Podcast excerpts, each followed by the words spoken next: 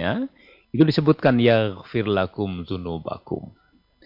Allah akan mengampuni dosa-dosa kalian. Tidak ada kegembiraan kita manakala di dunia ini, di mana kita manusia tentu memiliki kelemahan. Ada salah dan hilaf, ada dosa di sana. Tetapi manakala kita beriman kepada Allah dan Rasulnya, tentu dengan iman yang enam yang kita sudah yakini rukun ini, rukun yang enam. Kemudian kita melaksanakan dengan sungguh-sungguh, betul-betul kita berjihad untuk menegakkan agama ini, untuk membuktikan benarnya agama ini, untuk membuktikan baiknya agama ini. Dengan perilaku-perilaku kita yang kita tunjukkan di masyarakat, dengan perilaku akhlak yang terbaik yang memang dituntunkan agama, karena mengharapkan ridho Allah, maka Allah akan mengampuni kita.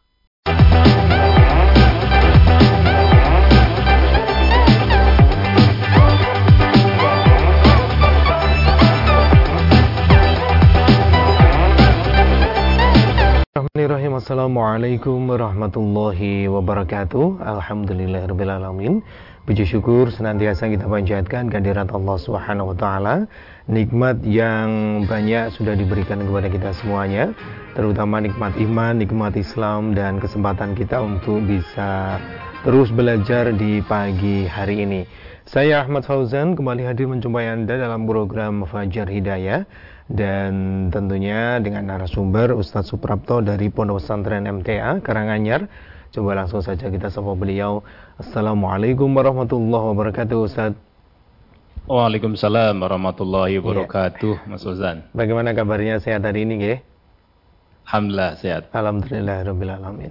Pemirsa di rumah dan di mana pun anda berada mudah-mudahan juga dalam keadaan sehat walafiat tidak kurang suatu apa pun. Mari kita manfaatkan sisa waktu yang diberikan Allah Subhanahu wa taala untuk kembali kita terus belajar ilmu agama kita terapkan dalam kehidupan kita sehari-hari bagian dari bekal kehidupan kita di akhirat kelak insya Allah. Pemirsa, segmen yang pertama kita akan dengarkan tausiah dari Ustadz Suprapto mengawali kajian kita di pagi hari ini. Silakan Ustadz. Baik, bismillahirrahmanirrahim. Assalamualaikum warahmatullahi wabarakatuh. Alhamdulillahi rabbil alamin. Walladhi arsala rasulahu bil huda wa dinil haq. Liyudhiru ala dini kullih walau karihal musyrikun. ولو كره الكافرون. أشهد أن لا إله إلا الله وأشهد أن محمدا عبد رسوله. اللهم صل على محمد وعلى آله وأصحابه ومن تبع هداهم بإحسان إلى يوم الدين. وقال تعالى في القرآن الكريم أعوذ بالله من الشيطان الرجيم. بسم الله الرحمن الرحيم. يا أيها الذين آمنوا اتقوا الله ولا تموتن إلا وأنتم مسلمون. amma ba'd. Bapak, Ibu, Saudara semuanya yang dimuliakan oleh Allah. Bersyukur kita di hari ini di penghujung tahun 1443 ya di Hijriah ini dan tentu setiap diri kita, setiap pribadi kita sudah bisa mencoba mengkalkulasi seberapa banyak kemudian bekal-bekal yang kita kumpulkan dari amal-amal kebaikan kita untuk kita bisa siap untuk kita bisa uh, menerima.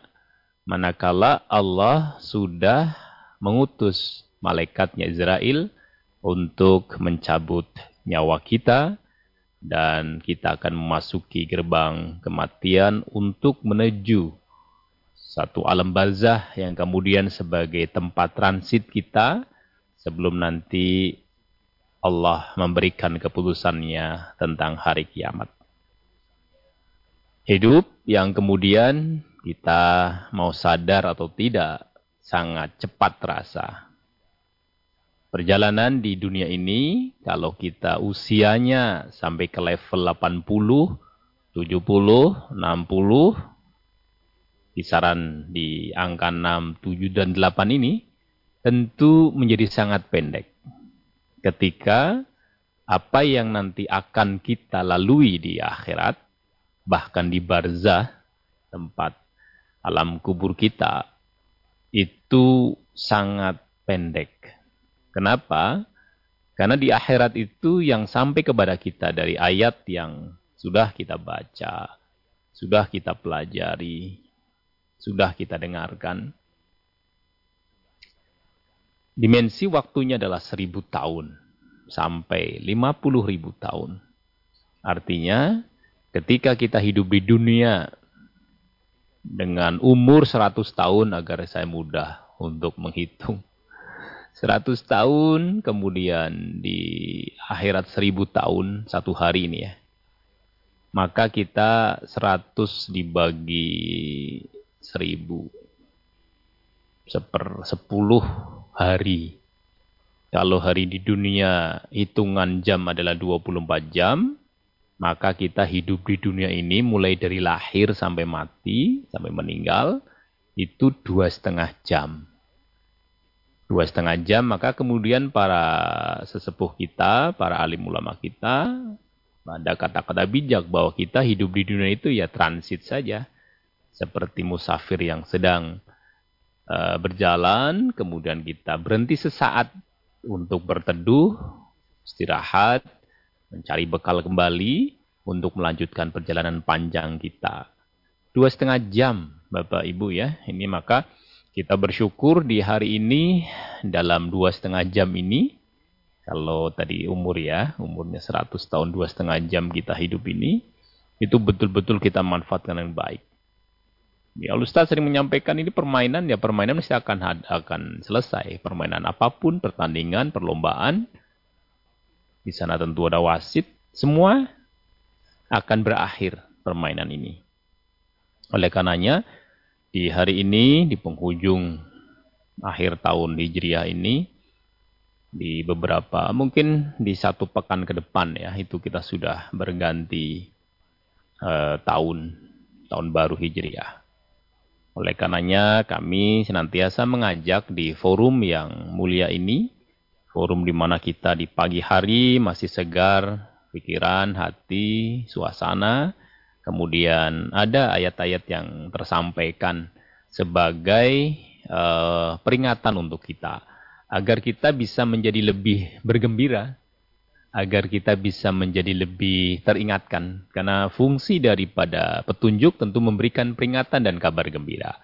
Peringatan untuk hal-hal yang harus dilakukan, peringatan untuk hal-hal yang memang harus dihindari dan juga kabar-kabar gembiranya Siapa yang melakukan kebaikan, tentu dia akan mendapatkan kabar gembira itu. Dan siapa yang belum atau tidak melaksanakan kebaikan-kebaikan yang Allah dan Rasulnya tuntunkan, tentu mendapatkan tegurannya, mendapatkan balasannya. Sebagaimana kemarin di pekan yang lalu kami sampaikan bahwa Allah memberikan satu tawarannya, satu jalannya untuk kita bisa sukses melampaui azab yang sangat pedih itu dengan kita beriman kepada Allah dan Rasulnya. Kemudian kita berjihad, bersungguh-sungguh, beraktivitas, berjuang untuk menegakkan agama ini. Maka kemudian kita akan mendapatkan hal-hal besarnya jika kita mengetahui. Hal-hal besar apa yang Allah berikan kepada kita? Allah berikan sebagai kabar gembiranya untuk kita di ayat 12 surat As-Saff misalnya di sana sebutkan Auzubillahi minasyaitonirrajim Bismillahirrahmanirrahim. Di kemarin kan haladulukum ala tijaratin tunjikum min adzabin alim ya kepada orang-orang yang beriman itu. Dzalikum khairulakum in kuntum ta'lamunnya itu itu di 12-nya itu disebutkan yaghfir lakum dzunubakum. Allah akan mengampuni dosa-dosa kalian. Tidak ada kegembiraan kita manakala di dunia ini, di mana kita manusia tentu memiliki kelemahan. Ada salah dan hilaf, ada dosa di sana. Tetapi manakala kita beriman kepada Allah dan Rasulnya, tentu dengan iman yang enam yang kita sudah yakini rukun ini, rukun yang enam. Kemudian kita melaksanakan dengan sungguh-sungguh, betul-betul kita berjihad untuk menegakkan agama ini, untuk membuktikan benarnya agama ini, untuk membuktikan baiknya agama ini. Dengan perilaku-perilaku kita yang kita tunjukkan di masyarakat, dengan perilaku, akhlak yang terbaik yang memang dituntunkan agama, karena mengharapkan ridho Allah, maka Allah akan mengampuni kita. Siapa yang tidak ingin dosa-dosa kita diampuni? Siapa yang mendafid diri tidak bisa atau tidak pernah berbuat dosa? Manusia bukanlah maksum sebagaimana Rasulullah SAW. Tapi manusia tentu mempunyai salah dan dosa. Karena setiap Bani Adam memiliki kesalahan. Wa khairul khotoina tawabun. Dan sebaik-baik orang yang salah tentu bertobat. Bentuk taubat kita dengan mengerjakan kebaikan-kebaikan ini, itu akan menutup kesalahan-kesalahan kita. Oleh karenanya ketika kita melakukan dengan penuh rasa tanggung jawab, dengan penuh uh, antusias, menyambut perintah-perintah Allah, maka Allah akan memberikan jaminannya, yaghfir lakum tunubakum. Kalau kemudian kita sudah diampuni, kemudian Allah akan memberikan kesempatan berikutnya, memberikan balasan berikutnya. Wa yudkhilkum jannatin tajri min tahtil anhar. Allah juga akan memasukkan kalian, memasukkan kita semuanya kepada surga yang di bawahnya mengalir sungai-sungai. Siapa sekali lagi yang kemudian kita selama dua setengah jam hidup dibandingkan dengan masa satu harinya di akhirat yang seribu tahun. Itu belum yang lima puluh ribu tahun di Al-Ma'arij. Maka uh, kita sekali lagi eh, persiapan-persiapan yang kita lakukan dengan berbuat amal baik. Dengan kita mengkaji untuk tahu, untuk bisa paham, untuk bisa sama-sama kita yakini, untuk sama-sama kita bisa laksanakan Allah akan mengampuni kita. Allah akan memasukkan kita ke dalam surganya. Wa masakina thayyibatan fi jannati adan. Dan juga tempat-tempat yang baik di surga Aden. Ini kalau dalam bahasa tijarah, dalam bahasa perdagangan, dalam bahasa kita bermuamalah dengan market ya. Tentu setiap kali yang kita uh, investkan, itu harapannya ada timbal balik yang mesti harapannya lebih. Kemudian ketika Allah memberikan satu tawarannya, ya ayyuhallazina amanu hal adulukum ala tijaratin tunjikum min azabin alim.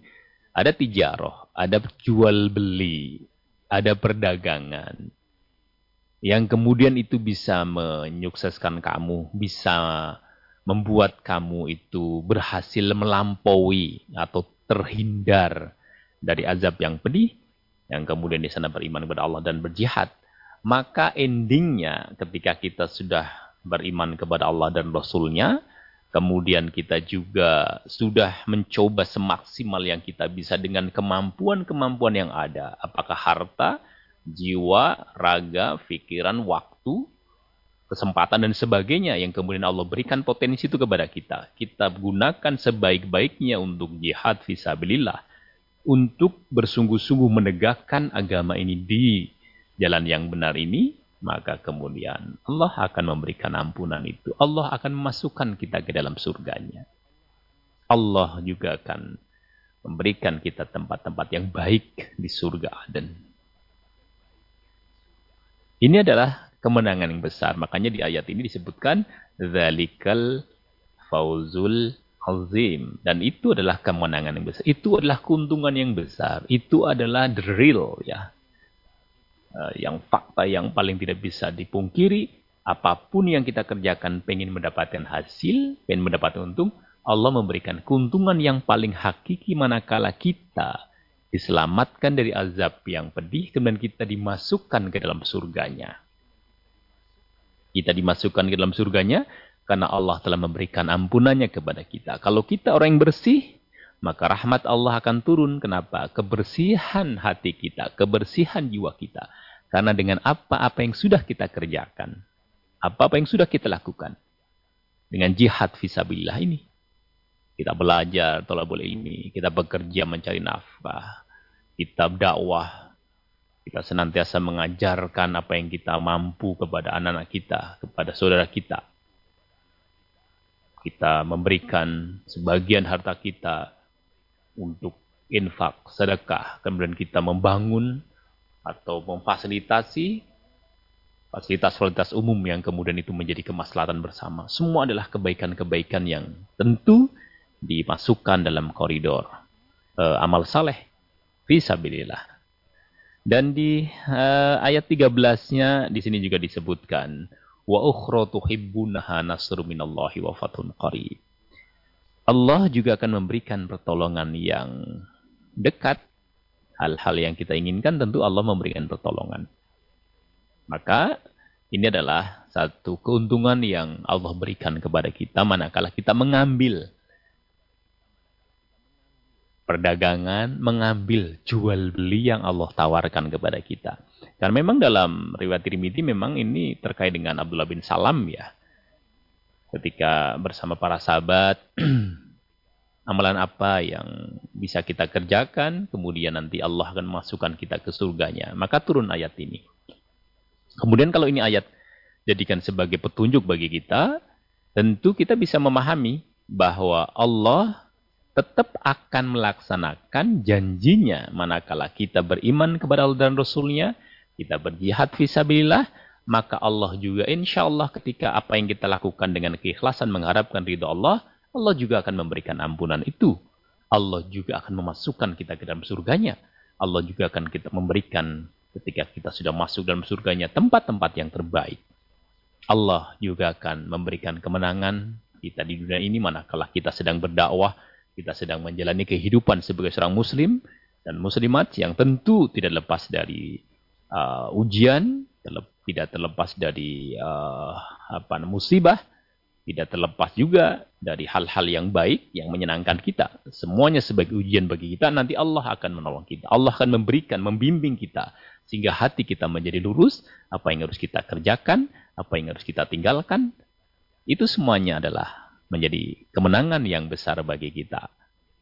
Oleh karenanya di penghujung uh, pekan terakhir paling tidak ya di uh, akhir tahun Hijriah ini kami senantiasa mengajak dalam forum-forum yang majelis memfasilitasi itu untuk mari sama-sama kita meningkatkan kembali kebaikan-kebaikan yang sudah kita kerjakan, mempertegas kembali, memperkuat kembali rasa iman kita kepada Allah sehingga apa pun yang Allah dan Rasulnya perintahkan kepada kita dengan rasa lapang dada dan juga ringan hati kita melaksanakan itu. Karena Allah telah membimbing kita, karena Allah telah menolong kita.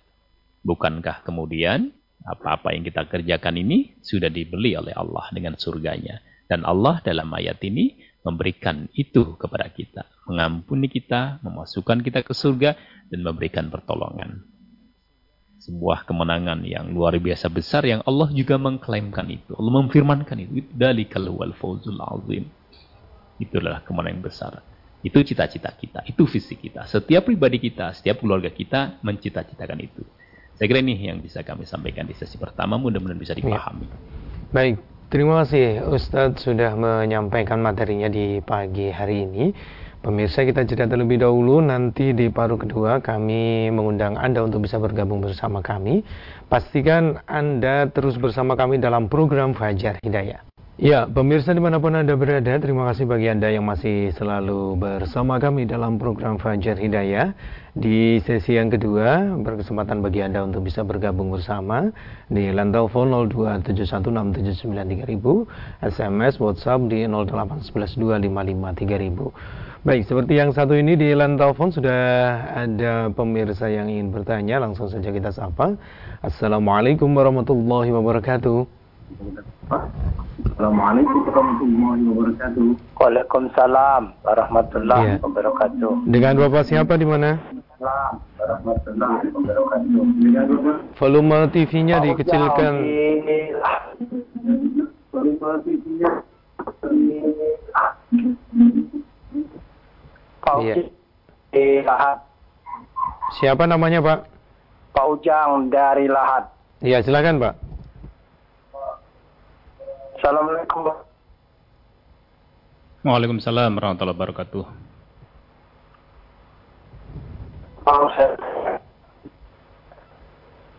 Ada masyarakat tuntunnya habis sholat fardu ber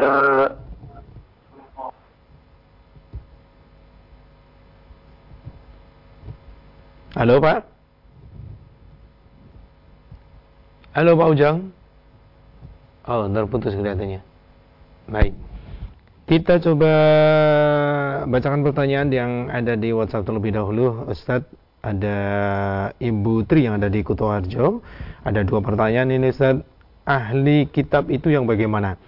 Apakah orang yang sejak lahir beragama Nasrani atau orang yang mendalami agama Nasrani, misal pendeta? Kemudian yang kedua, tetangga saya beragama Nasrani, tetapi jarang sekali ke gereja. Apakah juga bisa dikatakan ahli kitab? Saya pernah diberi opor ayam, tetapi tidak saya makan karena saya ragu dengan sembelihannya. Mohon dijelaskan, Ustaz. Baik, alul kitab itu kalau kita lihat di uh, penjelasan-penjelasan uh, yang ada, itu adalah orang Yahudi dan Nasrani.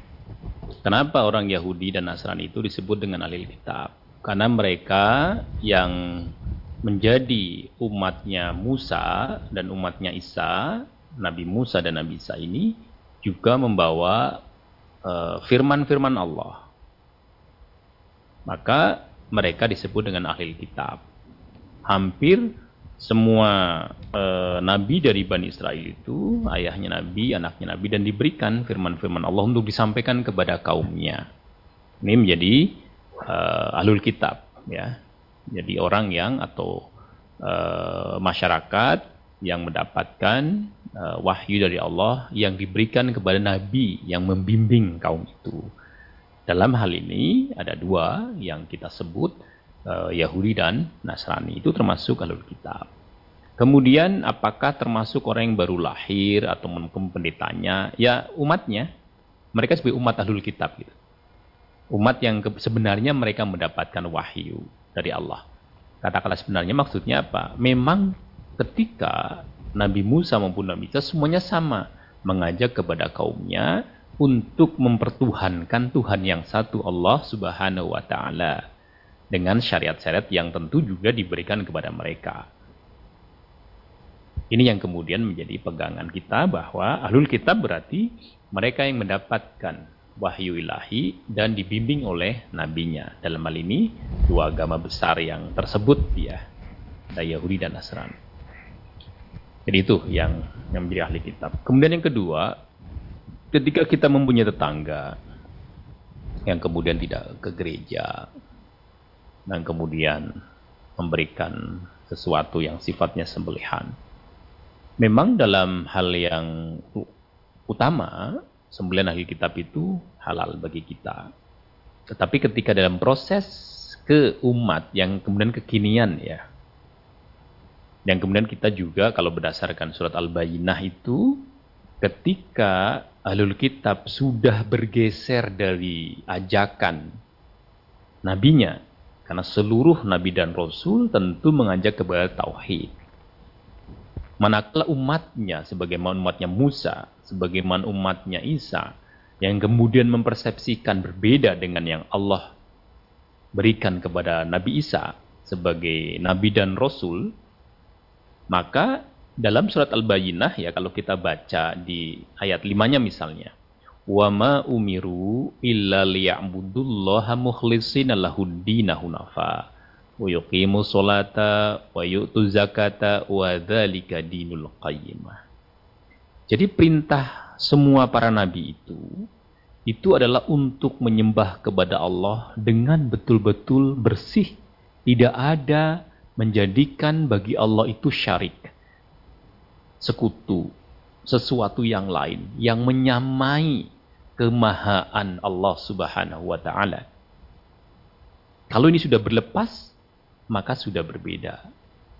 Nabi dan Rasul semuanya mengajak ini. Termasuk Nabi kita Muhammad SAW sebagai khatamun nabiyyin. Mengajak ini. Kemudian penjelasan atau firman Allah yang tidak bisa kita bantah dan ini menjadi konsensus ijma para ulama juga yang kekinian sekarang ini bahwa innallazina kafaru Sesungguhnya orang-orang yang kafir. Kafir berarti apa? Mengingkari apa yang dibawa oleh Nabi kita Muhammad SAW dengan mentauhidkan Allah. Dan kita mengakui amanah Rasul. Kita juga mengakui para Rasul. Ya, maka kemudian ketika mereka mengingkari ini, siapa orang-orang yang kafir itu dalam ayat 6 surat Al-Bayyinah ini? Innallazina kafaru siapa saja? Min ahlil kitab wal musyrikin. Orang ahlul kitab orang-orang musyrik itu dalam pandangan Allah telah kafir ketika mereka sudah mengingkari apa yang Nabi dan Rasul utus kepada mereka untuk mentauhidkan Allah dan mereka mengingkari itu. Makanya sebenarnya semuanya perintahnya sama. Wa ma umiru dan tidaklah kami diperintahkan illa liya'budullaha mukhlishina lahuddin. Ini yang kemudian sekarang kami tentu tidak akan dalam rangka uh, mengatakan bahwa uh, ahli kitab sekarang semuanya kafir, maka ini menjadi sangat sangat terspesifik. Ada orang-orang ahli kitab yang kemudian tetap menjalankan ketauhidannya kepada Allah, boleh jadi ada walaupun tidak banyak. Nah sekarang misalnya diberi apa namanya uh, sembelihan seperti itu. Kalau ibu ragu, tidak usah dimakan. Atau tidak akan uh, menyakitkan. Banyak kita terima, kemudian uh, sudah masuk rumah kita, sudah wilayah kita. Tanpa kita harus uh, apa namanya membuangnya di depan matanya dan semit tidak perlu begitu. Jadi insya Allah apa yang uh, menjadikan ibu lebih nyaman, lebih tenang, itu yang dipakai.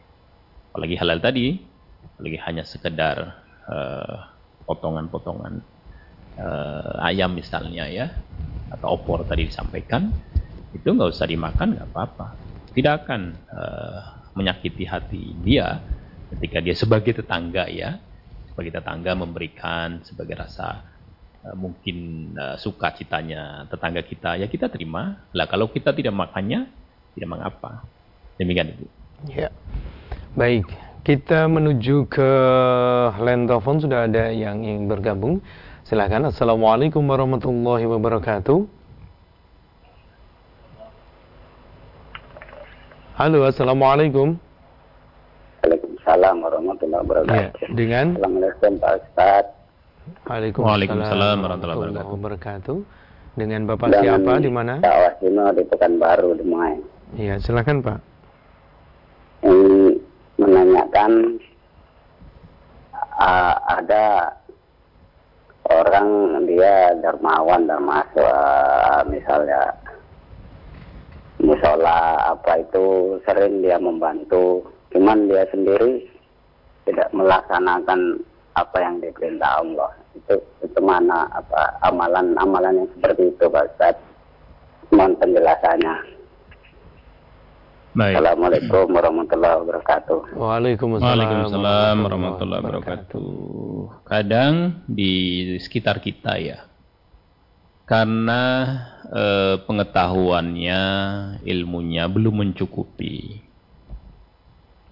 Yang dia pahami satu bahwa menolong, berbuat baik, membantu itu baik. Dia tahu itu. Tetapi kemudian ketika kita menjadi orang yang beragama, di mana di dalam agama ada aturan-aturan, ada perintah, ada larangan, ada peringatan, ada gembira. Nah, boleh jadi terkait dengan misalnya sholat. Sholat mungkin dalam bahasanya adalah ya pokoknya sholat terkait dengan wajib lima waktunya, dia belum sampai ke sana. Sehingga tadi dia menyumbang untuk pembangunan musola atau masjid, memberikan misalnya kok ini masjid uh, mic-nya kok uh, rusak, gerak-gerak, gerak-gerak dan sebagainya. Oh tolong ini satu eh, seperangkat sound system nanti berapa nanti saya bayar. Tetapi dia belum pernah masuk ke dalam musola ini. Nah, maka kami husnudonnya karena memang belum tahu pengetahuan itu sampai kepadanya. Oleh karenanya kadang kalau di dalam uh, desa ya, di dalam RT begitu apalagi bapak boleh jadi mungkin akrab atau ini yang mulai diajak atau bapak sudah menyumbang musola sambil kita nanti lihat yuk Pak untuk uh, hasil yang uh, tercapai dari apa yang Bapak sumbangkan, Bapak berikan. Mari kita sama-sama sholat karena mudah-mudahan menjadi saksi bahwa kita juga sholat di apa yang Bapak infakkan, Bapak sedekahkan itu. Jadi ini yang memang uh, kami lebih ke arah ini, tidak lebih ke arah untuk menilai. Karena kurang tahunya saja, sampai belum meyakini bahwa sholat ternyata menjadi kewajiban muslim yang dilaksanakan di lima waktu yang sudah ditetapkan. Terkait dengan bagaimana uh, amalnya, bagaimana apa namanya uh, kebaikan-kebaikannya, Allah belum lah yang nanti maha tahu. Kenapa? Karena tadi boleh jadi dia beriman, tetapi belum melaksanakan sholat secara utuh karena ketidaktahuannya, Allah memberikan kebaikan itu. Maka ketika ada uh, para orang-orang Arab Badui secara berduyun-duyun ya datang ke Nabi Qala Arabul Amanah kulam tu'minu walakin kulu aslamna itu itu termasuk hanya Islam saja, pokoknya cerah diri saja itu Kemudian ketika diperintahkan oleh Allah melalui nabinya untuk disampaikan kamu belum beriman, kamu baru Islam. Nah, konteks ini adalah proses. Nah, dia mungkin baru tadi dapat dari bapak kiai, dapat dari ustadz, pokoknya kamu harus berbuat baik. Mungkin baru dari sisi ini. Terlambat laun nanti dia menjadi orang yang sholat dan sebagainya seiring dengan ilmu-ilmu yang didapatnya dan diyakininya untuk kemudian diamalkan. Kita berdoa orang-orang baik di sekitar kita. Mudah-mudahan Allah berikan petunjuk dan kembali uh, bisa secara bersama-sama melaksanakan apa yang menjadi perintah-perintah Allah dan Rasulnya. Ini Pak yang kami uh, ingin sorot ya. Jadi uh, jangan kemudian kita mudah ya untuk nuah walaupun beramal soleh kalau apa.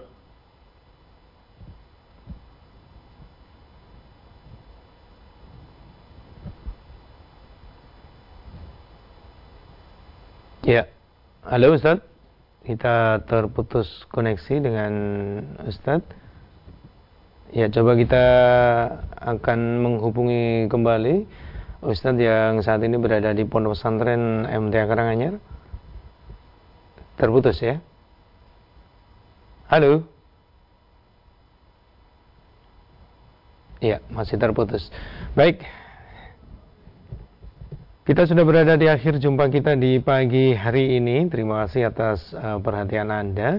Insya Allah kita akan lanjutkan di episode mendatang. Mohon maaf belum sempat Ustadz memberikan uh, kalimat penutupnya. Namun dapat kita simpulkan mudah-mudahan apa yang kita pelajari di pagi hari ini memberikan banyak manfaat untuk kita semuanya. Akhirnya saya Ahmad Fauzan harus segera undur diri dari program Fajar Hidayah sampai berjumpa di waktu mendatang. Alhamdulillahirabbil subhanakallahumma bihamdika asyhadu an la ilaha illa anta astaghfiruka wa atubu ilaik. Billahi taufiq wal hidayah. Wassalamualaikum warahmatullahi wabarakatuh.